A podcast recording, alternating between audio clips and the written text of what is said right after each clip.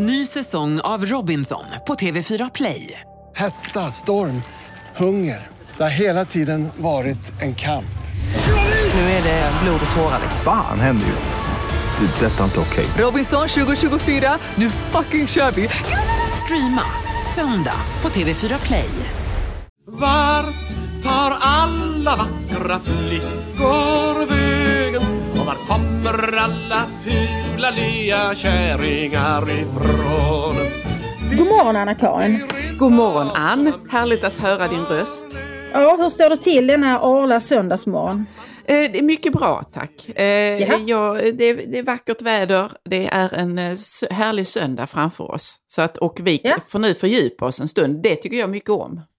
Ja, men det är väl ett bra sätt att börja dagen på, att eh, reflektera kring ditt och datt. Ja. Men eh, hur, då kanske inte du har något att irritera dig över då? Eller? Eh, jo, det, eh, hör och häpna, även denna Mm. vecka finns det något. Och så jag skulle nästan döpa om det lite till veckans besvikelse snarare än veckans Det irritationsmoment. låter ju tråkigt. Ja.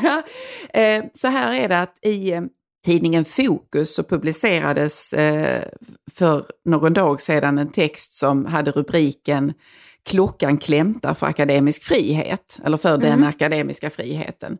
Och detta det är ju mitt specialintresse, mitt eh, Ja. eh, område som jag själv har skrivit mycket om, så naturligtvis klickade jag omedelbart för att läsa denna text. Mm. Eh, och det är då en eh, debatttext som handlar om att den formen av etikprövning och etikgranskningssystem som vi har i Sverige är orimligt överdrivet och gör att man inte vågar ställa den typen av forskningsfrågor som vi behöver få beforskade. Mm. Eh, gott och väl så långt.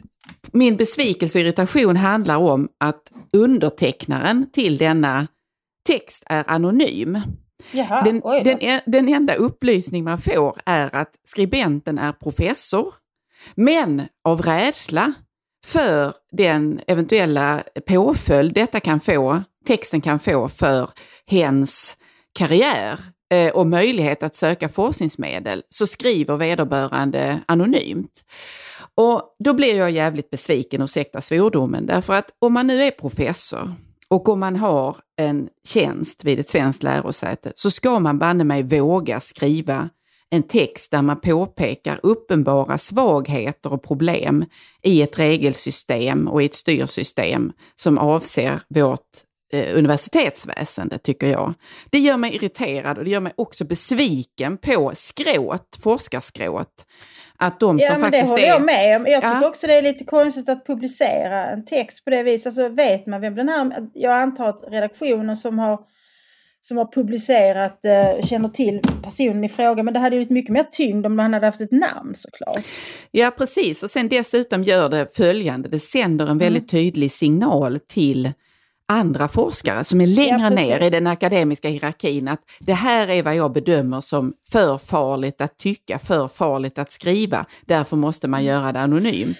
Ja, alltså, då- Mm. jag, jag, jag måste erkänna att jag, jag har inte läst den här texten Nej. faktiskt. Men, men jag blir lite, alltså jag blir ändå lite konfunderad över det här att den här anonyma professorn klandrar etikprövningsnämnden. Jag, jag satt själv i regionala etikprövningsnämnden i ett par år medan jag, jag var ju lektor på Lunds universitet i etik. Mm. Och alltså jag kan säga så att regionala etikpröv, alltså det finns etikprövningsnämnder i alla regioner och sen finns det nationell etikprövningsnämnd. Och det innebär att alla forskningsstudier eller experiment som involverar levande varelser, eh, i Mm. allmänhet människor, någon gång djur, det ska prövas i en särskild nämnd. Och jag kan inte riktigt se på vilket sätt det hindrar någon från att ställa frågor. Därför att jag kan ta som ett exempel, du känner till Vipeholmsexperimenten som Yes. gjordes Mm. Ja, precis. Det var ett fruktansvärt tandvårdsexperiment som gjordes på eh, framförallt förståndshandikappade människor som bodde på Mm. Vipeholmsanstalten. Där de fick liksom fasansfulla kolor och så vidare. Och man kan väl säga i korthet att de resultaten låg till grund till, till liksom hela den svenska tandvården. Ja. Så resultaten har ju varit av godo. Sve- Svenskar har ju länge haft väldigt god tandstatus jämfört med andra länder så för att vi har haft en folktandvård. Där man har baserat sig på den sortens studier. Men det var ju ett fruktansvärt lidande för väldigt många människor. Ja. Och det är ju det som etikprövningsnämnderna eh, ska, ska, liksom, Ja, ska, ska tillförsäkra sig om att man inte gör den sortens studier. Så det där tycker jag låter ärligt talat som ren och skär bullshit. Därför Ja. det som hindrar dig från att ställa frågor idag som kan vara känsliga, det är snarare liksom kollegiet och jag, den stora boven i sammanhanget skulle jag vilja säga snarare i de stora forskningsinstituten eh, där man söker pengar som Jubileumsfonden, Fores och allt vad de heter. Jo, som eh, kräver på samma sätt som kulturstöd kräver, man ska ticka en jävla massa boxar med olika perspektiv. Det tycker jag är ett problem. Jo, nej men han, det, skribenten, han, hon har en poäng i att det Mm. där eh, etikprövningsnämnden och ett överklagandenämnden, ÖNEP, de har fått så att säga förstärkta muskler och man har skärpt skrivningarna kring detta så att så fort någonting kan uppfattas som personligt eller känsligt och ha någon slags öppning mot någonting politiskt eller liknande, då ska detta etikprövas. Så att det är mycket mer som måste etikprövas idag än Mm, tidigare. okej, ja. Men de, den historiken du drar är ju helt riktig i att det här har ju sin grund i att forskare, eh, så kallade forskare, har begått överträdelser mot Mm, människor och därför måste man ha ett regelverk. Men vi kan ju inte ens börja diskutera detta om de som företräder vetenskapen inte vågar stå fram med namn och titel och säga jag företräder det här fältet, jag ser följande problem. Det är skärpning tycker jag. Det gör mig irriterad och besviken. menar, ja, för det här sättet att anonymt skriva en sån artikel, det är precis som du sa inledningsvis, det spär ju också på idén att det är väldigt trångt i den svenska Ja. akademin. Ja. Att det är väldigt farligt och så vidare. Men om jag bara kort ska säga någonting till om etikprövningsnämnden Mm. så består ju den av, alltså det består ju dels av, av akademiker, alltså från universitetet och sen består det av folkvalda, det vill säga politiker. Det är ofta politikerna som ställer till problem därför de är så jävla rädda. Sådana diskussioner hade vi flera gånger för att varenda gång det kom upp eh, ett ärende som, handlade, som hade någonting med sexualitet att göra så ville politikerna avslå för då var det integritetskränkande. Men det är väl inte integritetskränkande i sig att ställa frågor om människors eh, sexualitet i ett forskningsprojekt. Om man till exempel vill kunna se ifall homosexuella blir diskriminerade, då måste man kunna ställa den frågan. Ja, precis. Jo. Så det, det, det, jag tror det är problemet att politiker, Ja, jag och tror det- politiker är så väl valda personer att ha i den nämnden. Nej, Så och nuvarande, nuvarande nämnder är det väldigt mycket tungt på juridiska personer också. Som Okej. inte kanske heller så att säga kan det ämnesområde som forskaren vill beforska. Så Mm. att då får man en sån skevhet som du beskriver. Åt det, från det akademiska och från kanske allmänintresset. Till det Men, ne- Ja, nog om detta. Vad har du irriterat dig på i veckan? Jag har irriterat mig på någonting som min kära make brukar kalla interpretos. Jag tror inte Ja. det här ordet finns, men det är ett Nej. mycket välfunnet litet begrepp. När han, säger, eh, när han använder begreppet interpretos, som jag tror han har hittat på själv, så menar han liksom en, en, ett- ett överdrivet behov av att tolka, en övertolkning. Ah, Och jag tycker att vi lever i en tid av interpretos. Alltså, Mm. Låt ta ett exempel. Vi har haft varmt i ett par dagar. Då blir det extremhetta. Ja, och då vill Märta Stenevi kalla in till ett extra möte i riksdagen. Mm. för att liksom, det har varit 27 grader varmt i tre dagar. hon det blev ett- svettig. hon blev, ja, hon blev svettig. på flera sätt kanske. Det är ett mycket tydligt tecken på interpretos. Ta inte i så jävla mycket. Nej. Ett annat tecken på interpretos som har retat upp mig rejält. Det, är, det pågår en utställning i Malmö på eh, Malmö museer. Eh, närmare bestämt på Malmöhus slott. Som heter Modest Fashion. Och den här utställningen det. Mm. ja, den öppnade redan i februari. Eh, och då läste jag lite om det i tidningen och sådär. Eh, och sen har ingenting hänt. Sen så skriver Josefin Utas som är slöseriombudsman och jag vet inte om hon har varit eller fortfarande är aktiv i Medborgerlig Samling men jag tror hon var en av de som grundade det för ett tag sedan i alla fall. Mhm, Hon skriver en fruktansvärt uppbragt text på sin Facebook-sida om att eh, Malmö museer legitimerar förtryck av kvinnor och eh, lyfter fram slöjan och underordning. Och, och det slutar liksom mer eller mindre med hennes, hennes alltså, extremt och löjligt upprörda text. Slutar i princip med att vi använder skattemedel eh, för att promota hedersmord. När jag läser den här Facebook-statusen eh, som sen eh, ledde till att Annika Borg skrev en likaledes eh, med något mer välformulerad text i, om det var Nya Värmlands Tidning eller någonting. Och det blev även ett debattinlägg i GP från en man som var uppväxt i någon typ av religiös sekt, om det var Jehovas vittnen och var det som pratade liksom kyskhetskläder och så. Min starka känsla när jag läser de här texterna är att ingen av de här personerna har sett utställningen i fråga. Den här eh, debatt, debattören i GP hade inte sett den, Annika Borg har inte sett den och jag tror inte Utas har sett den. Därför hade de sett utställningen så hade de inte varit så upprörda. Mm. Jag åkte i alla fall in där häromdagen för att titta på utställningen och det visade sig vara liksom några glasmontrar. Det är, det är totalt två rum på det här gigantiska museet så detta är alltså en tillfällig utställning. De har ungefär de har fem tillfälliga utställningar nu. Ja. Eh, och sen så har de då sina stora fasta och akvarier. Så det här är en mycket, mycket liten del. Eh, så, den ska pågå ett par månader till. Och det är alltså ett samarbete mellan eh, Tillskärakademin i Malmö och några unga kvinnor som bor i Malmö. Så att de här Tillskärakademin studenterna har tolkat då begreppet modest fashion tillsammans med unga kvinnor som klär sig i enlighet med modest fashion. Och mm. det är ju som det låter, alltså det är någon slags eh, kyskhetsmode, det vill säga att, att det är mycket långt ifrån magtröjor, korta kjolar och cleavage och så vidare. Det är en helt annan typ av kläder.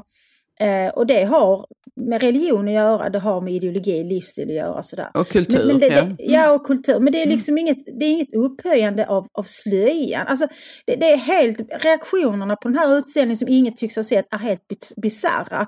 Och I relation till, ja, ja jag förstår. Mm. precis, och sen kommer interpretosen då när man tittar på kommentarsfälten då under Utas Facebook-status och hennes Twitter och sen under Annika Borgs text. Där människor liksom tycker, det, detta är nu ett tecken på att islamiseringen är nu här.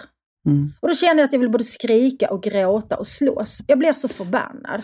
Alltså ta och skärp er lite. Detta är en Men... så fruktansvärd övertag.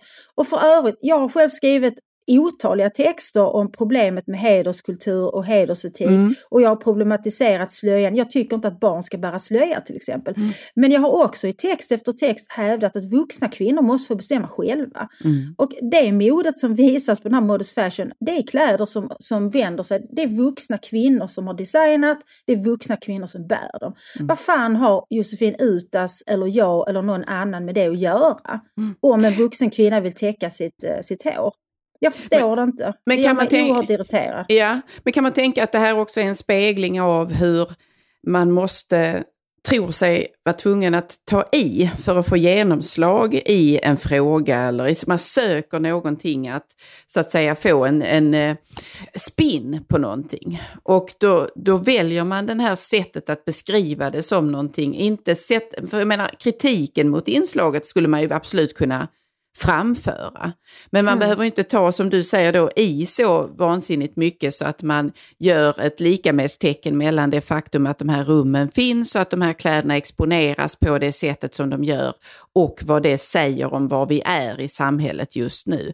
Men då gör man det för att då får man kanske många delningar eller man får en väldig uppmärksamhet kring detta och att det också är ett tecken i tiden. Att det, det, du började ju med det här Märta Stenevis, att hon har varit varmt mm. några dagar och då behöver hon kalla in 349 ledamöter för att diskutera detta.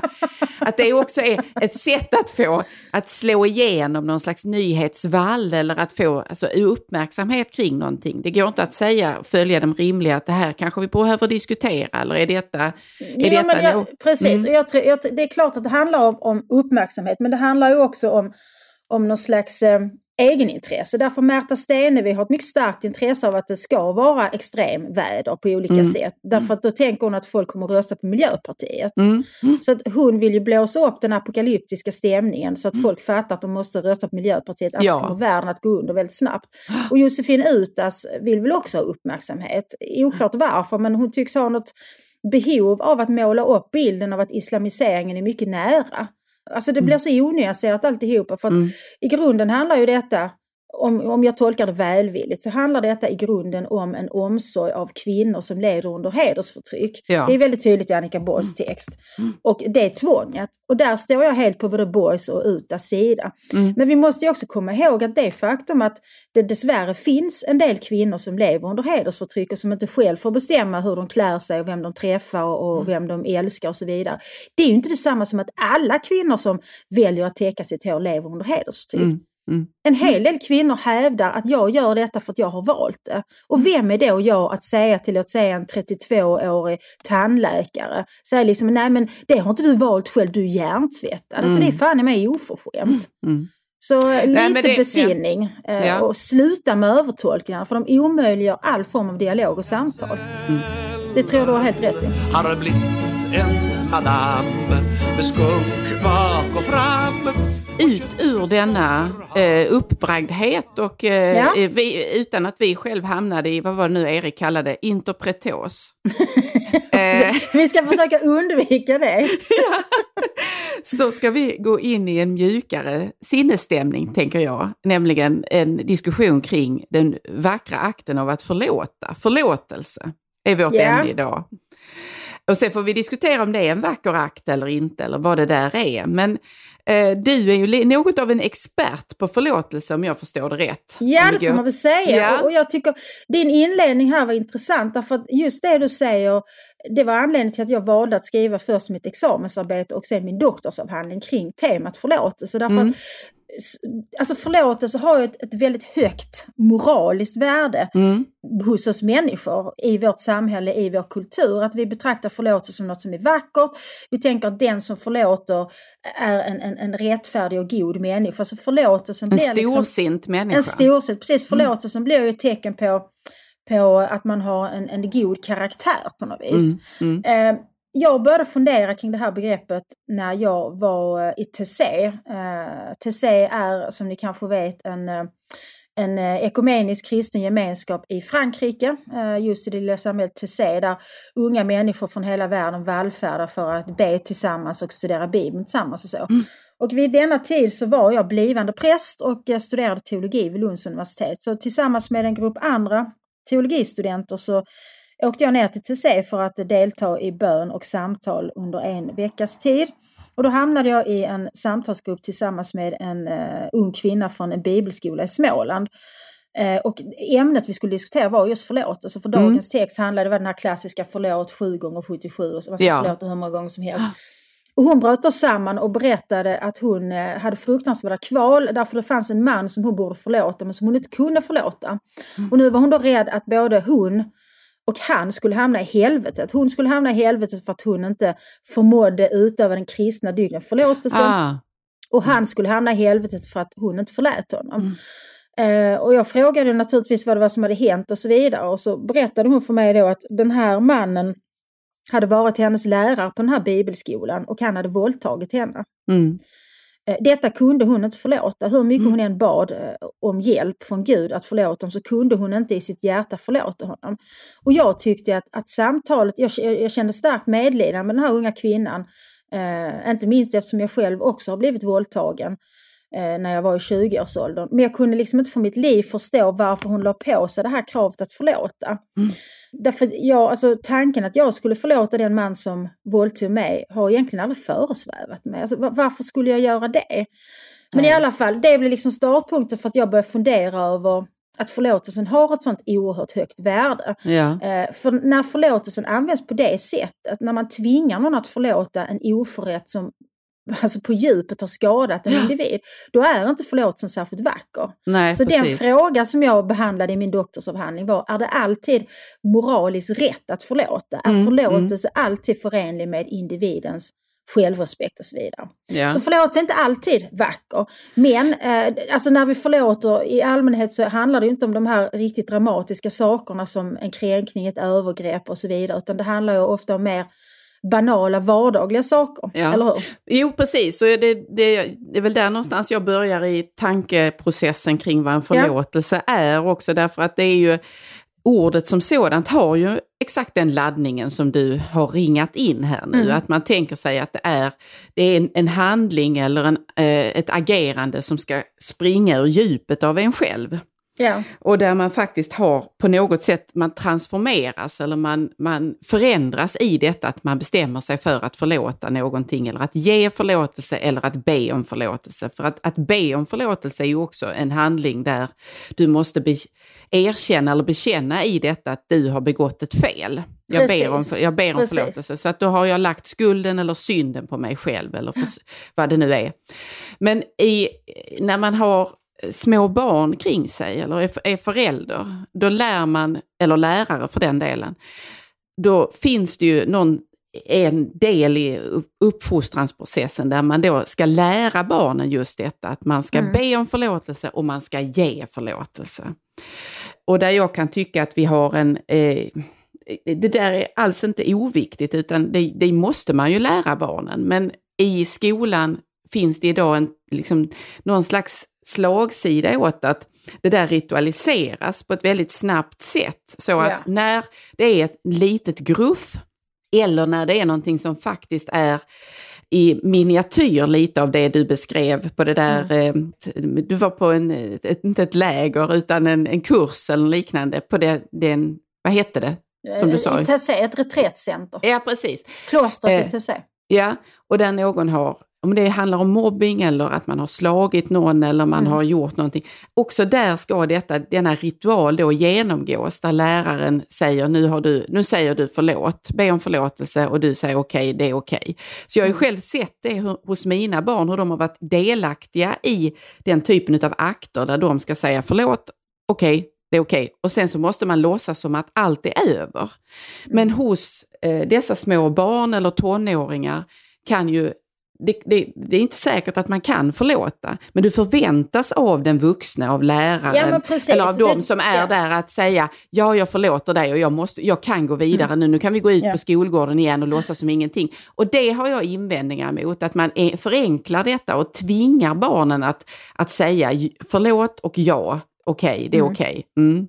Ja, men alltså, jag, jag är helt med dig där. För man använder, jag tror att detta är ett uttryck för också vuxenvärldens lathet och oförmåga att hantera konflikter mellan barn. Mm. jag har ju själv tre barn, eh, två pojkar och så en sladdis då och en dotter. Och det är klart att, att under liksom de åren när alla tre bodde hemma så var det ju ständiga konflikter om stora och små saker. Och ibland när man stod där liksom i köket och, och frenetiskt försökte steka pannkakor och sönerna bråkade om något helt bisarrt liksom. Ja. Då kunde man ju ta till det här liksom, nej men sluta nu, nu be nu om förlåtelse, Ja, så får precis. fan se till att förlåt nu så går vi vidare. Ja. Så där slarvar man ju över det. För att Mm. förlåtelse är ju liksom, används ju här som något slags alltså, instrumentellt som ett socialt smörjmedel. Men jag, jag, och, och- det syns väldigt tydligt i skolans och förskolans värld. Men det finns ju de som arbetar med det på ett annat sätt. För att Mm. under de här åren efter jag hade skrivit min doktorsavhandling så var jag ute och föreläste mycket om förlåtelse i skolor och förskolor och församlingshem och allt möjligt. Och då så var det en förskollärare som vid ett tillfälle berättade för mig hur de arbetade med förlåtelse på den förskola hon, hon var på. Mm. Eh, Och då gjorde de det väldigt medvetet eh, och det tog ju tid såklart. Men låt säga att, att eh, Lisa knuffar omkull Kalle och Kalle blir ledsen. Då skulle man som förskollärare kunna rusa fram och se till att, att Kalle inte har slagit ihjäl sig. Sen bara säga nu får du be om förlåtelse Lisa för Kalle är ledsen. Och så ska Lisa säga förlåt så ska Kalle tvingas att säga jag förlåter dig. Istället så, så sa de alltså att ja Lisa nu, nu har du gjort Kalle väldigt ledsen. Förstår du varför han är ledsen? Och så får Lisa rannsaka sig själv. Och så säger man att du får be Kalle om förlåt så får vi se om han vill förlåta dig. Så säger Ja. kanske Lisa förlåt och så säger Kalle nej det vill jag inte. Och så säger förskolan okej Kalle är fortfarande ledsen. Du får nog fundera om finns det någonting du kan Ah. göra för att göra Kalle glad. Mm. Och då kanske Lisa anstränger sig genom att plocka en bukett blommor eller hälla upp juice till honom när de äter mellis eller ge honom den största kudden på vilstunden. Det vill säga Lisa får lära sig att när du har betett dig illa så räcker det inte att du lite hafsigt säger men förlåt då! Utan Nej. du måste fan i mig förstå att du har gjort fel och du måste anstränga Sona. dig. Du, må- ja, på något vis. Mm. Och Kalle känner ju då i detta läge att han blir faktiskt sedd. Att Mm. den smärta som han har orsakats uppmärksammas. Eh, för när man, Det när man kräver tvingar, arbete. Det kräver lite arbete. Och i det lilla, i de här små banala konflikterna som ofta är mellan barn, så, så liksom, det, det är liksom, ska vi säga, det relaterar ju sen till det stora. För jag menar, vi har väl alla träffat människor som har betett sig illa, vuxna människor som har sårat en och så vidare. Och som antingen säger de så, förlåt mig, eller så säger de, men vadå, jag bara skojar. Och liksom, när man säger förlåt mig så indikerar ju det i alla fall att man förstår att man har gjort fel, att man tar på sig skulden. Ja, Men den här precis. hafsiga användningen av förlåtelse indikerar ju något annat. Att man tycker, fan det här blir ju jobbigt, nu vill jag ta mig ur detta, okej jag- jag säger förlåt. Sådär. Jo, och sen är det också att det, det till skillnad från den, de förskollärare som du berättade om där, så Mm. eh, är det jag beskrev ett tecken på att man inte riktigt orkar konflikthanteringen. Precis, precis. Eh, utan man tänker att kunde vi snabba på detta lite så att du bara ber om förlåtelse och så säger du okej så kan vi gå vidare och jag kan gå ut och rastvakta på de andra därför att jag, Mm. det, är bara, det är ingen annan där på skolgården nu när jag är här med er och ska lösa den här löjliga konflikten. I mina ögon löjliga konflikten. Mm. Och det, det, då, då blir det ju att jag tror man gör barnen en, en björntjänst i detta också därför att de får inte riktigt känna djupet av vad förlåtelse är. Eh, och heller inte utreda vad, vad var det egentligen som hände. Så att heder åt den där eh, förskolläraren som klarade ut att låta det ta tid och också se att här är det kanske så att man ibland måste säga du gjorde fel. Mm. Eh, och det är det jag tycker man slirar runt lite grann också när man bara komprimerar det till, förlåt, okej då, att man inte från vuxenvärlden säger nu var det så att du gjorde fel. Så som Mm. du gjorde nu, det får, det får man inte lov att göra.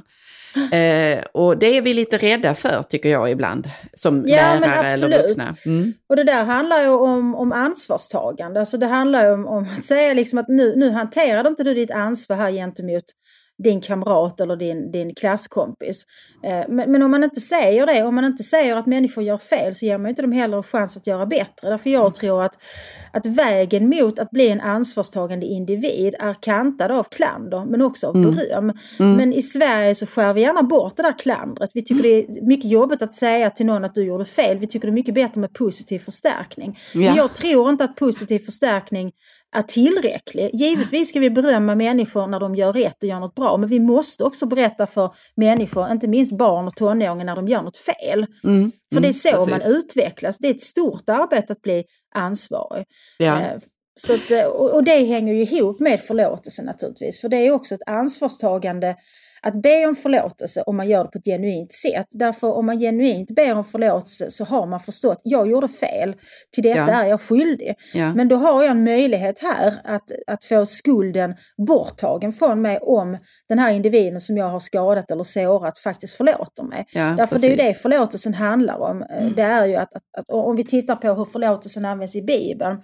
Där har, alltså, de ord som används för förlåtelse där, efiemi och så vidare, det har en riktning. Alltså man lyfter bort, man lyfter av och så vidare. Så att förlåtelse, det händer ju något i förlåtelsen. Det är ju Mm. det som man eh, på filosofspråk kallar en performativ akt. Ungefär som nu förklarar jag man och hustru. Alltså i Ja, den precis. frasen så finns något och i jag förlåter dig så händer någonting med relationen mellan de här två människorna. Men för att det ska fungera på riktigt så krävs faktiskt ett arbete från den som har gjort fel, men också från den som har blivit felad mot.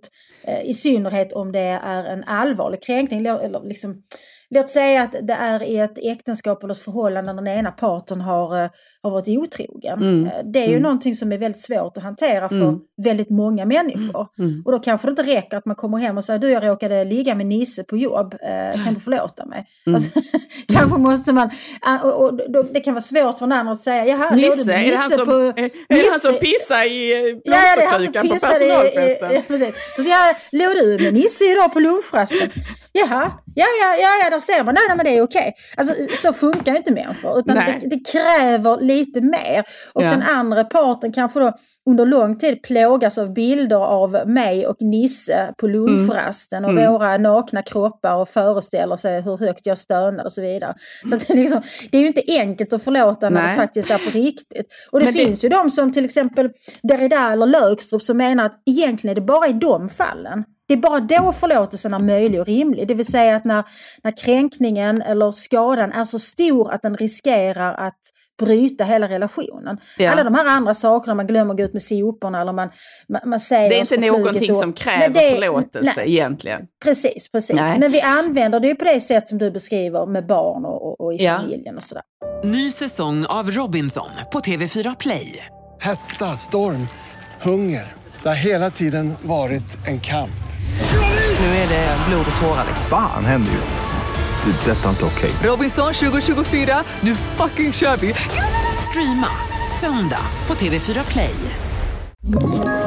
Ett poddtips från Podplay. I fallen jag aldrig glömmer djupdyker Hasse Aro i arbetet bakom några av Sveriges mest uppseendeväckande brottsutredningar. Går vi in med hemlig telefonavlyssning och, och då upplever vi att vi får en total förändring av hans beteende. Vad är det som händer nu? Vem är det som läcker? Och så säger han att jag är kriminell, jag har varit kriminell i hela mitt liv men att mörda ett barn, där går min gräns. Nya säsongen av Fallen jag aldrig glömmer på Podplay. Midjan så smal Så att royal Men jag tycker det som du säger där, det är intressant därför att det, det, när du beskriver det eller ger olika exempel så är det hela tiden utifrån att det är eh, de parter som är involverade i förlåtelseakten är då den part som har eh, någonting har, eh, har blivit utsatt för ett eller annat. Eller Mm. eh, kontra den som har begått denna försyndelse eller eh, handling. Men vi har ju en, en trend, det är kanske ett ett dåligt ord att beskriva det med, men en, en, ett skeende där förlåtelseakter sker på aggregerad nivå mellan parter som inte har varit direkt involverade i handlingar som den här förlåtelsen avser att sona. Eh, en lång rad sådana i Sverige vad gäller barnhemsskandalerna, steriliseringarna, eh, händelserna kring vår urbefolkning, samerna och så vidare. Eh, och vi har sett liknande i Australien, Kanada, flera olika länder där övergrepp har begåtts på en stor grupp människor av människor som inte längre finns i livet. Varken de som blev utsatta för det eller de som begick det. Och där sker någonting som jag tycker är mycket märkligt måste jag säga. Och då, när jag tänker på detta då tänker jag också på Simon Wiesenthals bok ehm, The Sunflower. The Sunflower, precis. Där han, som ju utgår ifrån precis en sådan händelse som man kan sen speglas i de här försoningsritualerna. Nämligen att han under tiden som han var eh, fången i ett koncentrationsläger blir inkallad till en av SS-männen där, som ligger på sin dödsbädd. Ja. Och han blir då ombedd, denna koncentrationslägerfånge, att ta del av eh, nazistens eh, förgripelser och försyndelser. Nämligen att han under ett, vid ett tillfälle satte fyr på ett hus i vilket det fanns ett stort antal kvinnor och barn Ja, precis. Som Eh, brann inne. som brann inne och när de försökte fly då försökte han dessutom, eller eh, sköt han dessutom tillsammans med sina eh, eh, nazistvänner där, sköt ner dessa människor som hoppar ut ur fönstret så att de gick en säker död till mötes och en mycket plågsam död. Detta sökte han förlåtelse för därför att Simon Wiesenthal var ju då en jude som de han hade dödat. Precis. Simon Wiesenthal fick då liksom, han fick symbolisera eller representera alla judar. Ja, Eh, och ombads då förlåta det som han hade gjort mot ett stort antal andra judar. exakt. Och eh, ja, som du minns så kunde ju Simon sa ingenting. Han gick Eh, ut bara. Den han unge Simon lyssnade. Wiesenthal Ja. lyssnade och gick därifrån. Och det du Ja. är ute efter är väl liksom det absurda i den här sortens vad ska vi säga, liksom kollektiva eh, förlåtelseakter. Där man, för detta var rätt så vanligt kring millennieskiftet, alltså runt 2000. Och det var väl någonting med, med liksom alla de där jävla nollorna som gjorde att, att folk liksom rannsakade sig. Men katolska Ja. kyrkan då bad till exempel om förlåtelse för hur de hade behandlat kvinnor och homosexuella och allt möjligt. Och Göran Perssons regering bad om förlåtelse för tvångssterilisering och så vidare. Så det var flera sådana här Man skulle akter, göra rent bord på något sätt. Precis. Ja, Vända precis. blad. Ja. Man, ja, precis. Som kungen. Man ville gå in i det nya liksom, millenniet då. Renad. Rena och Mm. jungfruligt vita. Men precis som du säger, så, alltså, vem har mandat att säga ja vi förlåter? Det kan Nej, man ju precis. inte. Men jag vill gärna, ja, lå- låt mig återvända till Simon Ja. Wiesenthal. Det är intressant att du tog upp den boken. Eh, därför att Simon Wiesenthal skrev ner den här berättelsen då Ja. i en liten bok som heter The Sunflower. Och sen så bad han ett stort antal människor att besvara den fråga han ställer. att han, han har sen resten av sitt liv funderat över, gjorde jag rätt? ja, Skulle det- jag kanske ha förlåtit honom? det är del det två är så- i boken. Precis, säga. del Mm. två är då de här svaren. Och det som jag noterade när jag läste den var att de människor som själv har erfarenhet av att bli utsatta för kränkningar, det var andra människor som suttit i koncentrationsläger, som hade suttit i Gulag, som hade blivit utsatt för andra typer av kränkningar. De menade att Wiesenthal hade gjort rätt. Att Mm, han inte skulle precis. förlåta. Mm. Medan de som inte hade varit utsatt för någonting, de tyckte att han skulle förlåta. Ja, Och det är så ja. intressant att det var så jävla lätt för de som inte själva hade blivit liksom, kränkta, eh, utsatta för övergrepp, berövade sin mänskliga värdighet. För det som händer med en människa i ett koncentrationsläger är ju inte, det är ju mer än en kränkning, det är ju faktiskt att i grunden berövas sin mänsklighet och förnekas Sin värdighet. människa. Mm. Och hur ska man kunna förlåta det? Så Mm. det tyckte jag var intressant. Faktiskt. Ja, precis. Och jag, jag delar Wiesenthals slutsats där i att, det var, det, att han gjorde rätt när han reste sig upp och gick utan att ge förlåtelse Ja. till denna döende eh, eh, man, Karl S eller vad han kallas. Där, Ja. Därför att han hade varken rätten eller förmågan Nej, alltså att, att kunna ge denna förlåtelse i sina, de döda människornas namn. För Mm. vad vet han om de hade velat förlåta honom eller inte? Och det är den, den så att säga glidningen som man låtsas bort sig ifrån eller som man glömmer bort när man utför de här eh, förlåtelseakterna där ärkebiskopen eh, eh, ber om samerna om förlåtelse, vilket är väl det nyaste eller senaste Ja, exemplet tror jag kan jag. komma på i Sverige. Ja. Eh, men ja, nej, jag, jag tycker detta är, det är ju så att säga en väldigt svår fråga, men vi behandlar denna svåra fråga med en, en enkel, vi förenklar den tycker jag. Jo, Och, men alltså eh, det finns ju flera filosofiska frågor inbäddade här. För det första så skulle jag vilja betona att, att förlåtelsen tillhör offret. Vilket Precis. innebär att jag tror inte man kan ärva rätten att förlåta så att säga. Och sen tangerar detta diskussionen om dels kollektiv skuld och dels eh, någon slags kollektivt ansvarstagande och då en, en, en liksom kollektiv förmåga att förlåta en historisk skuld. Alltså, ka- Kan det tyska folket som ett kollektiv be det judiska folket om förlåtelse? Alltså, det är ju ganska få av de tyskar som lever idag som faktiskt var delaktiga i förintelsen. Ja. Kan de förlåta för det deras föräldrar och far och morföräldrar gjorde? Har de rätt att göra det? Och kan de judar som lever idag, kan de förlåta? Alltså, det, det, Mm. det är oerhört många, jag tror inte på varken kollektiv man- skuld eller Nej. historisk skuld måste jag Nej. säga. Och gör man inte det så är inte heller den kollektiva och historiska förlåtelsen möjlig. nej, Däremot precis. måste jag säga att min, eh, min faster Gunnel, hon var en av de sista som blev tvångssteriliserad i Sverige. Mm. Och hon var fortfarande i livet när då regeringen Persson ville be om förlåtelse Ja. för det övergrepp som ju tvångssteriliseringarna var. Eh, och då, då kunde man också ansöka om en liten peng. Så att, eh, min faster skrev då, hon begärde ut sina journaler och skrev då med ledning av dem tillsammans med, med min mamma eh, en ansökan om de här 100 000. Och då Mm. fick hon 100 000 som plåster på såren för att hon hade blivit tvångssteriliserad och Mm. berövad sin möjlighet att bli förälder. Vilket ju, Mm. alltså 100 000 kan ju inte uppväga den smärtan. Men jag vet att det betydde någonting för henne. Mm. Det som betydde någonting för min faster det var att, att samhället stod upp och sa att det som gjordes mot dig var fel Gunnel. Ja, just det. Det var viktigt för henne. Ja, det, det- var det- en ja. upprättelse. Exakt, men där ligger ju också i botten beslut om att det, denna operation skulle utföras på henne. Det fanns ju en, ett beslut om att detta var rätt på någon slags Ja. samhällelig nivå. Precis. Vilket gör att i det fallet eh, kan finnas någon slags där kan man kanske finna försoning eller rimlighet i att det är också staten som ber om ursäkt för det. Medan Mm. de handlingarna vi talade om tidigare när det handlade om eh, att man skjuter flyende människor som flyr ifrån ett brinnande hus och så vidare. Där är det, det kokar ju också ner till individnivå på det.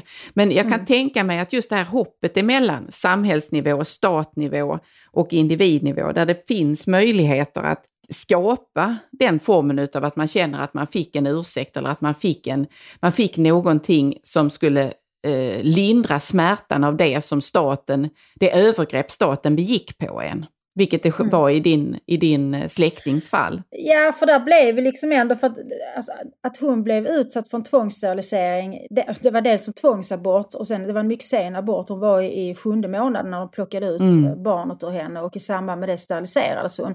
Eh, och det visste hon inte förrän hon vaknade Nej. ur narkosen att de hade gjort detta. Och det präglade hennes liv väldigt. Men, men upprättelsen för henne var att hon faktiskt fick liksom en, en ursäkt att det här var fel. Och, och Ja. hon, hon utsattes ju det på grund av en rad politiska beslut. Men det finns ju en annan typ av, av vad ska vi säga, offentliga förlåtelsehandlingar som jag tycker nästan ännu besynnerliga. Ja. Låt säga att- en, en känd person blir ertappad med att snorta kokain. Ja, Eller en känd person fastnar i en bordellhärva och blir ertappad med att ha köpt sex. Mm. Eh, och så vidare. Då, då krä, liksom, pöbeln kräver då på något vis att den här kända personen rakryggat ska be om förlåtelse. Men jag Mm. menar, om någon liksom, en eller annan tv-kändis har snortat kokain på en eller annan krog. Alltså, vilken skada har det gjort oss egentligen? Och på vilket sätt ska vi kunna förlåta detta? Det där tycker jag är väldigt gåtfullt. Jag tänker men också att det blir väldigt många förlåt om man ska räkna så. Det är bara de som åker fast, Anna-Karin. men du förstår vad jag menar. Ja. Där är det ju liksom, det är ju inte bara ritualiserat utan det är ju stiliserat. Alltså det blir Ja. så absurt alltihopa. Det är väl Mm. liksom, det kommer väl, alltså det är någon slags Mona sahlin du vet när hon satt där i den här vita blusen och hon reducerade det hon hade gjort till att hon hade köpt ett Toblerone. Ja. Mm. Och så var det liksom i det här att hon faktiskt bekände sin skuld, även om hon minimerade den till Tobleronet och i någon mening också bad om förlåtelse då, så skulle Mm. det visas fram en mänsklig sida. Precis, och hon hade ju de här bevingade orden, jag är banne mig ingen fifflare, sa hon. Jag är banne mig ingen fifflare. Nej, det där var någon eh, jävligt eh, smart pressis eller krisrådgivare som hade bankat in det i henne. det är lite synd att väldigt många handlingar därefter har så att säga inte direkt styrkt det påståendet. Eh, Men eh, i det ögonblicket så, så eh, vann hon möjligen en eller annan till sin sida genom att ha denna skickliga formulering. Men, ja, och men hon det- blev det- ju förlåten. Därför hon återbördades till gemenskapen. Och Ja. det är ju det som förlåtelse i grunden handlar om. Alltså, Ja. När vi klandras, då stöts vi ut ur flocken. Vi, vi straffas genom att inte längre få vara med. Men hon återbördades till den socialdemokratiska gemenskapen och satt väl kvar med politiska uppdrag ända tills hon gjorde bort sig nästa gång, om jag inte Ja. minns fel. Hon fick där, många chanser. Ja, Ja, det får man precis. säga. Många, fler än de flesta. En madam med skunk bak och fram Nej, men jag håller med dig om att det där är, det är ju lite vad vi pratade om inledningsvis här apropå vad man, när man eh, överdriver sina tolkningar och så vidare. Alltså att det finns en, en mediadramaturgi i detta Mm. också. Som man försöker spela till sin fördel. Då. Så att man tänker, tror jag, att om vi tar det här exemplet när man blir ertappad med att ha besökt en bordell Mm. eller har köpt sex, eh, så försöker man ta över berättelsen genom att så snabbt som möjligt eh, blotta strupen och säga då, jag gjorde fel. Det här är en, jag, jag begick ett fel och jag vill, jag vill eh, bli förlåten för det eller jag vill söka försoning eh, kring detta fel som jag begick. Allt fel var hos mig, alla handlingar jag gjorde var fel. Och då försöker man så att säga få bort klandret eller eh, stoppa de som vill kasta smuts på en eller säga att det var inte bara en, en tillfällighet att du gjorde det där på lunchrasten med Nisse, eh, utan det var del i ett större mönster eller det säger något om din person att det var på det Precis. sättet. Precis. Och så försöker man häva alla de där påståendena då eh, genom att eh, be om förlåtelse så snabbt som möjligt. Och då blir, det ju av en, då blir det ju en charad på precis samma sätt som de här akterna i skolan när man säger säg nu, be om förlåtelse nu. Okej, Exakt. är det förlåt? Ja, ja, du är okej. Men ut och lek nu då. Ut och Ja, gör ja, men- något nu. Ja. Man, man använder förlåtelsen som en, som en stoppboll. Att man vill liksom, eh, så snabbt som möjligt ska man ut och, och liksom bekänna sin skuld och be om förlåtelse och visa sig mänsklig. Men du använde ett intressant uttryck här för du sa att man blottar strupen. Mm. Och jag tror, eh, jag måste säga att jag faktiskt, jag själv ganska svårt att be om förlåtelse. Mm. Eh, när det är någonting som, är, när jag vet att jag har gjort fel. Ja. för, ja, för det, det gör man ju ibland. Alltså, Ja. Det är ju inte så svårt att be om förlåtelse för småsaker som att man glömde bort någonting eller man kom för sent eller vad det nu var. Men det, när det är någonting som är verkligen, verkligen svårt, när jag vet Ja. att här gjorde, jag, här gjorde jag den här människan illa genom mitt agerande eller eh, genom mina tillkortakommanden och så vidare. Då tycker jag det är fruktansvärt svårt att be om förlåtelse. Och det är ju för att man, som du säger, blottar strupen. Eh, Och att Mm. blotta strupen innebär att man man lägger sig platt och, och liksom utlämnar sig till den andres välvilja på gott och ont. Liksom. Mm. Att, att, Mm. Därför när man säger jag gjorde fel, eh, jag betedde mig illa, jag hoppas du kan förlåta mig. Så finns ju alltid risken att den andra säger nej, det kan jag faktiskt inte. Och då har man på något vis förlorat ansiktet om du Ja. förstår vad jag menar. Eh, Och det är ju, så det, det, det är väldigt smärtsamt att be om förlåtelse om man gör det på riktigt. ja, Eh, precis. Jag har nog, vi ibland kanske för lätt att förlåta.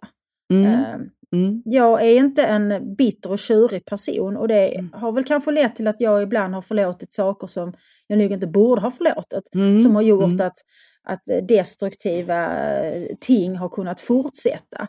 Och det kan man ju se, jag vet inte om du minns den här En honjävels liv och lustar, Ja, just det. eh, Mm. romanen av Faye Weldon. Mm. Hon säger ju någonstans i, eh, i någon, liksom, i den här, det blir en tv-serie så här, hon, hon hänvisar till sin mamma och skriver Understand and forgive my mother said and the effort has quite exhausted me. I could do with some anger to energize me and bring me back to life again. But where can I find that anger? Who is to help me? Bla bla bla. Mm. Och det där liksom understand and forgive, förstå och förlåt, det har den här kvinnliga huvudpersonen honjävulen gjort. Alltså hon har, hon har förstått sin man och hon har förlåtit honom hans snedsteg och hans lögner och så vidare. Eh, poliser som jag har talat med, jag, jag har föreläst en del för poliser också, eh, inte minst om, om just eh, kvinnomisshandel eller partnervåld eh, Mm. som man kallar det nu. Och de är ofta uppgivna eh, när det gäller just det här, för de berättar hur de då blir utkallade till det som då kallas för lägenhetsbråk av någon anledning. Det kan Ja. ske i villor också. Där de finner en kvinna som har blivit misshandlad av en man och det görs en anmälan. Och sen så i eh, nio fall av tio, om inte fler, så tar kvinnan tillbaka sin anmälan nästa dag. Eh, Och det är ju någon form av förlåtelse inblandat i det här, för då har väl mannen liksom eh, brutit ihop och bett om förlåtelse och sagt att det här kommer aldrig mer att hända och så vidare. Och i några beklagliga fall så leder ju förlåtelsen då till att kvinnan blir utsatt igen och igen och igen och igen och kanske i slutändan faktiskt mördad.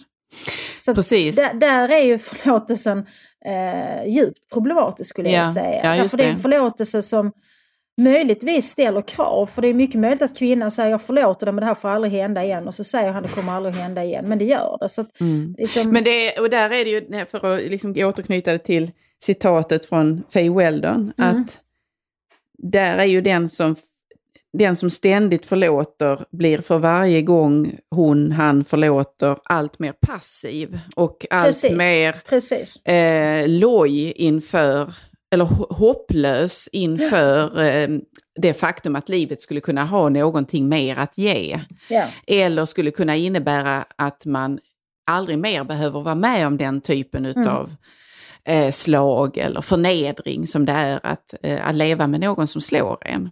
Mm. Och, och det, det är väl precis det som poliserna som du beskrev också talar om, att det är eh, det, det finns någon, det här mönstret det kommer gå igen och gå igen och gå igen när man då en gång har förlåtit det som egentligen inte går att förlåta. Precis. Eh, men, och det, där, då tänker jag på en annan sorts som jag har haft anledning att fundera på på det senaste när man pratar med vänner som har haft det mycket svårt i livet. Alltså varit, Mm. varit med om, där, där det inte går inte att fästa det på någon människa, det som har drabbat en. Det kanske inte är så att det är någon som har gjort, begått ett övergrepp av det slag som du talade om, eller Nej. någon som har, eh, det är inte staten, det är inte en människa, det är bara så att livet har inte blivit som man ville. Nej. Man har inte fått det som man sett att andra har fått. Och man är arg på livet självt, om du förstår vad jag menar. Ja, ja precis. precis. Eh, man, är man troende är man kanske arg på Gud. Men det, det finns någonting där, där man går runt med en ilska och en besvikelse Mm. på att det blev inte som jag hade tänkt mig. Nej, och det kan ju vara, låt säga liksom, det kan handla om sådana saker som, som barnlöshet som Ja. kan vara oerhört plågsamt och svårt för många människor. Där det har ingått i bilden av det liv jag vill leva så blev det Mm. inga barn. Eller det kan Mm. handla om, jag menar, man pratar mycket om inselmän och, och den besvikelsen som de här männen då ger Precis. uttryck för eh, handlar ju om att, att livet är inte som jag förväntade mig. Varför hittar inte jag någon att älska? Varför är det ingen som kan älska mig? Men det kan ju också handla om att drabbas av sjukdomar. Ja. Eh, som ju gör livet väldigt, väldigt svårt på många sätt. Och där det Så inte går, det finns ju inte någon individ att Nej. fästa denna ilska eller besvikelse på. Men där jag tänker mig att det ändå har, det finns då en, en möjlighet att man väljer att, så att säga, det är inte förlåtelse utan det handlar om försoning. Att man för, försonas med att det var så här livet blev Ja. för mig. Och eh, att den försoningsakten, må den vara med en själv, för det är ju egentligen det det handlar om då. Det är ju inte med Ja. en annan part, utan jag försonas med mig själv om att det var så här det blev. Mm. Att det gör att man då kan komma vidare och kan resa sig kanske och man kan se att jag fick inte det här och det här, men Mm. jag, jag, får, jag får hitta annat eller jag får bara vara nöjd med att jag lever. Men, jo men jag tänker Mm. att nu, jag fyllde ju 50 för några år sedan, jag är 52 och nu jag tror Mm. att jag har nått liksom en punkt i livet där jag också är väldigt upptagen med sådana processer. Därför att det är ju ändå liksom, är man över 50 som jag så får man nog ändå bara inse att det är lite sent att starta om. Eh, jag kan inte liksom, jag, jag kan inte läsa till läkare nu och börja Du kommer inte att bli elit, elitidrottare tänker Nej, jag. det kommer det jag inte bli. för mig. Och jag kan inte Mm. skaffa en ny familj, jag kan inte få fler barn och så vidare. Och jag menar, det är klart att nu är jag mycket nöjd och tillfreds i mitt nuvarande äktenskap. Men, Mm. men när jag gifte mig när jag var 21 så var ju såklart min ambition att jag skulle leva med den här mannen i en kärnfamilj. Mm. Och det är ju faktiskt en, det är ju en djup besvikelse att det inte blev så. Och nu är det Mm. tio år sedan jag skilde mig, men jag kan ju känna avund när jag pratar med mina vänner och väninnor som lever kvar i den här familjen och som tillsammans med, med barnens pappa kan fira både student och, bröllop och eh, glädjas över barnbarnen tillsammans och så vidare. Det, för det var så jag såg mitt liv framför mig. Att jag trodde Mm. att i den här åldern så skulle jag bo i ett stort hus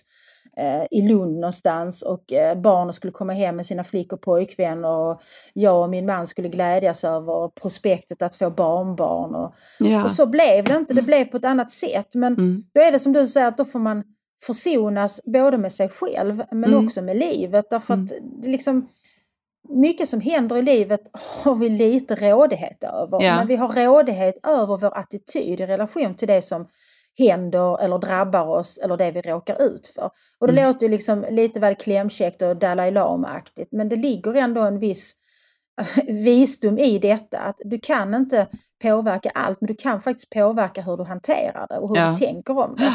Och att man inte fastnar i i bitterhet över det som man tycker att man har rätt till men inte fick. Eller det som Nej. man önskade men som inte blev. Ja, det blev precis. något annat. Men Mm. det kan faktiskt också vara väldigt bra. Mm. Har blivit en madam med skunk bak och fram Jag, jag har ju nu de senaste veckorna, månaderna, har ju ett fall varit uppe i media, nämligen det här 26 år gamla mordet på en flicka som var 16 år, hette. Malin Lindström. Ja. Och där man eh, då med hjälp av ny DNA-teknik kunde fastställa att hon förlorade livet på grund av en, eh, en, vad en viss person gjorde eh, mot henne Mm. då. Mm. Eh, han våldtog väl henne och sen mördade han henne då. Och den här mannen var ju misstänkt redan från start om jag förstår Mm. Ja. det rätt. Men eh, friades och så vidare.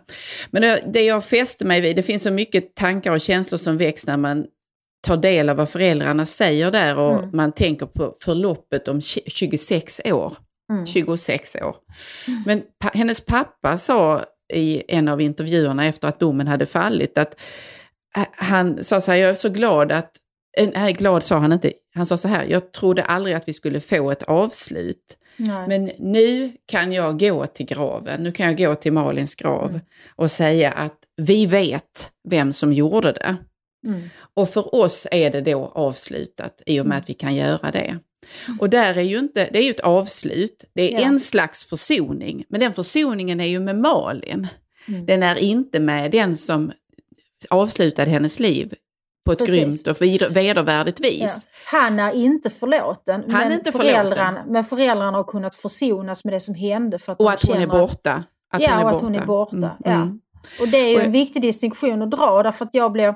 Det, det finns en, en, en amerikansk genre som är litteratur som handlar om förlåtelse där det finns otaliga böcker som är skrivna av inte minst föräldrar till eh, mördade barn och så där boken går ut på att de har förlåtit mördaren. Mm. Och jag, jag blir så illa till mods när jag läser det här för att jag tänker liksom att de skriver de här böckerna och vittnar om detta för att framställa sig själv som väldigt goda och moraliskt föredömliga individer. Men jag tycker det är väldigt svårt att förstå. Alltså, hur skulle deras barn känna inför detta? Det finns ett exempel till och med på en, en, en kvinna som, vars dotter blev, blev våldtagen och mördad.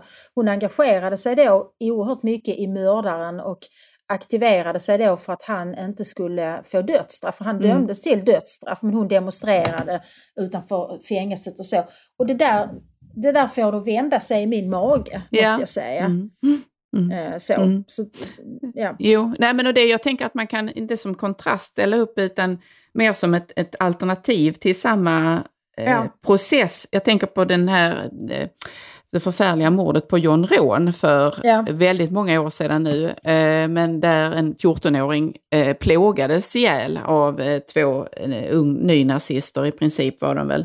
Och eh, där hans föräldrar sen eh, engagerade sig väldigt mycket. Det, och jag uppfattar det inte egentligen som att det handlar om förlåtelse utan det handlar om att lägga sin kraft i att starta projekt och arbeta för att unga människor inte skulle förråas och bli, bli sådana monster som de här två unga männen som dödade deras, mördade deras son Mm. blev och var, hade blivit på grund av att ingen hade gripit in tidigare. Och det är ju ett sätt att på ett sätt då eh, försonas utan att förlåta eller ursäkta det ens eget barn eh, var med om. Men att rikta sin energi och sin kraft, den som återstår när man är med om något så fasansfullt, till att se till så att minimera risken att fler blir utsatta för samma sak. Ja, och så det är ju en det- variant på det tycker jag. Ja, men det är ju ett sätt, tänker jag, att skapa mening och någonting som är meningslöst. Precis, precis. Mm. Eh, och, och det tror jag kan, kan säkert vara en hjälp i en sån försoningsprocess som vi talar om. Mm. Att man känner att man gör något konkret. Jag kan inte rädda mitt barn, men kanske kan jag rädda andras. Mm, mm, Ehm, mm. Så.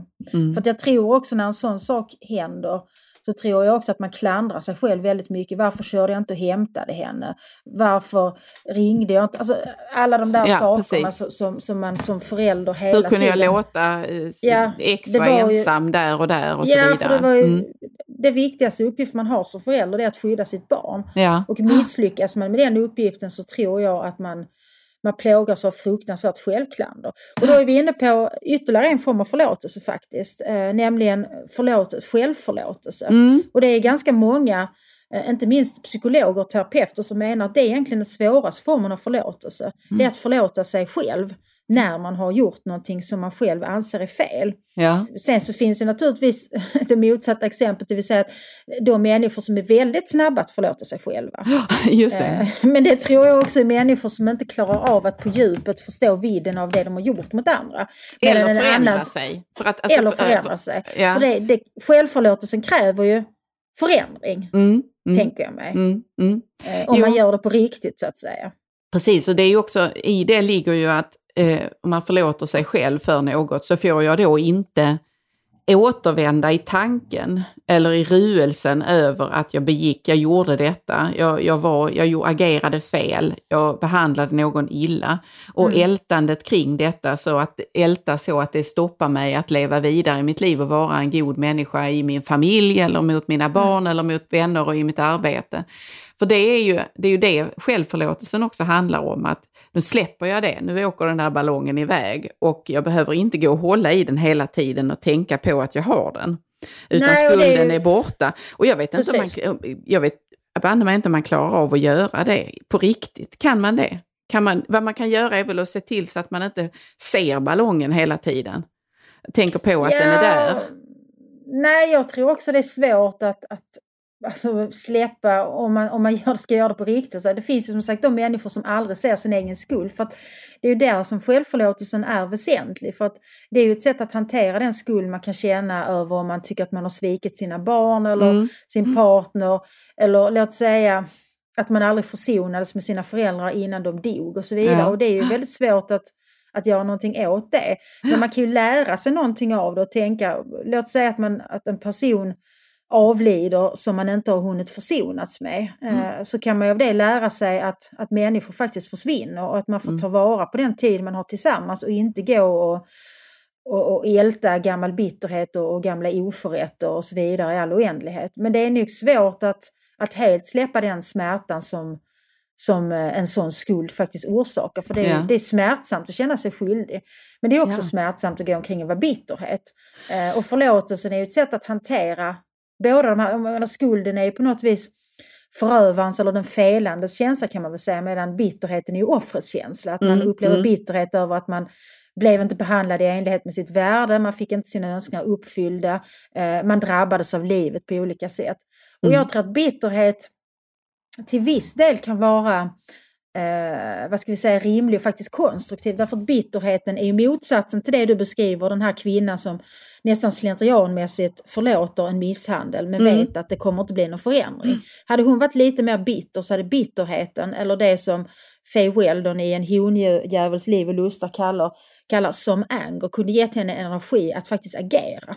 Ja, Så precis. bitterheten är också ett uttryck för att man respekterar sig själv. Att Mm. bitterheten är en protest mot en orättfärdig handling. Mm. Sen ska man ju inte Mm. fastna i bitterheten, men om man kan omvandla bitterheten till någon slags moralisk vrede. Vi pratade om det i det avsnittet där vi pratade om vrede och ilska. Ja. Så kan bitterheten vara bra, Ja, precis. tänker jag mig.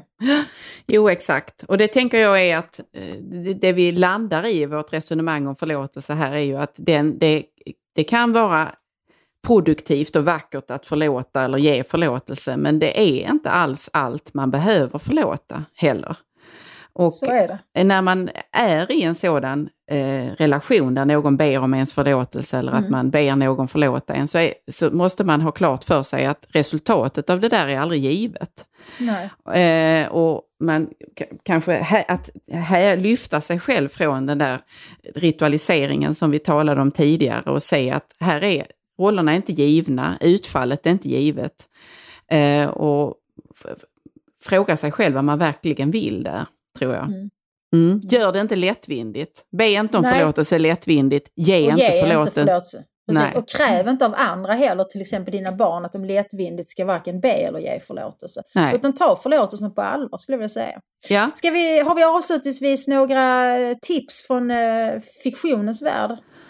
Eh, ja, den här som vi talade om tidigare, The Sunflower, den är inte Ja. ur fiktionens värld, men jag tycker väl man kan läsa den ändå Mm. och fundera över på den i relation till just de frågeställningar som vi omges av idag, där förlåtelsen blir den där lättvindiga och där Mm. man förlåter i någon annans namn. Det är nog den, den eh, bästa boken jag vet på temat, men det är ju som sagt inte i fiktionen. Har du något fik, eh, fik, ur fiktionens värld att tipsa om? Ja, jag tycker man kan läsa Ian McEwans Försoning. Ja. Ehm, Den, den tycker jag, det, det är liksom, det, plotten är en, en, en, en ung mans liv blir förstört kan man väl säga på grund av en ännu yngre kvinnas falska anklagelser. Det är en flicka som bara är 12 år som, som eh, anklagar honom för att ha våldtagit hennes syster. Mm. Eh, och, och, och detta, detta förföljer sedan alla inblandade. För den här flickan då, hon växer ju upp och förstår så småningom vad hon har gjort. Så det är en, en det är en, en, en roman som beskriver väldigt väl hur, hur skulden och skammen påverkar en människas liv och hur förlåtelsen och försoningen sen kan hela på olika sätt. Ja, Den är mycket, som allting Ian McEwan skriver så är den, så är den väldigt välskriven. Och sen har vi också... Och den är, den är väldigt vackert filmatiserad också. Ja, eh, Mm. jag har faktiskt inte sett filmen, bara läst boken. Mm. Sen har vi också Coetzés Onåd. eh. Med en åldrande universitetsprofessor i eh, huvudrollen. Som då har diverse affärer med yngre studenter och så vidare. Den är också en, en väldigt intressant och välskriven eh, roman på temat. Ja. Så den rekommenderar Ja. jag också. Jag kom på nu när vi talade, när jag hörde dina exempel, Jakten, Thomas Winterbergs film Just det, Jakten. just det. Som handlar om, där finns en parallell till försoning just i att det är en eh, förskola, en liten unge som får för sig att säga att eh, favoritfarbrorn på förskolan, eh, som också råkar vara hennes pappas bästa vän, har eh, gjort dumma saker med henne och visat, eh, visat snoppen för henne och så Mm. vidare. Och detta leder till en uteslutningsprocess och förfärliga anklagelser och att livet raseras. Men det som ligger i Winterbergs sätt att skildra detta är också just hur oerhört svårt det är att bli inkluderad igen, eller att få förlåtelse, även om det är så att man får gjort klart allting och visat att jag gjorde inte det där, så hänger misstanken, eh, anklagelsen hänger kvar och fäster alltid vid en när man har varit med om någonting sånt. Det påverkar livet för alltid och där finns en parallell till just försoning tycker jag. Ja, och det är intressant för att det där ser vi med, med eh, vad ska vi säga, flera aktuella eller någorlunda aktuella exempel i kölvattnet av metoo. Att en del av de männen som anklagades har ju liksom, det ändå blivit tydligt att de har inte gjort det de anklagades för, men de kommer Ja. aldrig kunna komma tillbaka. Nej, Eh, nej. Där finns varken förlåtelse eller försoning. Jag tänker nu när du pratar om eh, Thomas Winterberg så har han ju gjort en fantastisk film på temat också som heter Festen. Ja. Mm. Eh, det, det är uppenbarligen ett tema som upptar Winterberg. Ja, och han Skuld, skick- skam, ansvar, förlåtelse och så vidare. Ja, ja. och han, eh, han behandlar detta, dessa ämnen med eh, briljans skulle jag säga. Så att både festen och jakten apropå detta med att vissa sår läker aldrig, tycker jag man ska se om och eh, tänka på djupet kring. Men eh, jag förlåter dig för att denna timme gick så fort. Eh, Ja, Ann. men eh, det, Eh, för det är alltid det är jag mycket tacksam för. ja. Så säger vi så, håll nu stilen i, eh, i vått och torrt. Jajamän, ha det fint. Hej hej! Hej! Vart tar alla vackra former vägen? Och var kommer alla hakorna på makorna ifrån? Ny säsong av Robinson på TV4 Play. Hetta, storm, hunger. Det har hela tiden varit en kamp. Nu är det blod och tårar. Fan händer just nu. Det. är Detta är inte okej. Robinson 2024, nu fucking kör vi! Streama söndag på TV4 Play.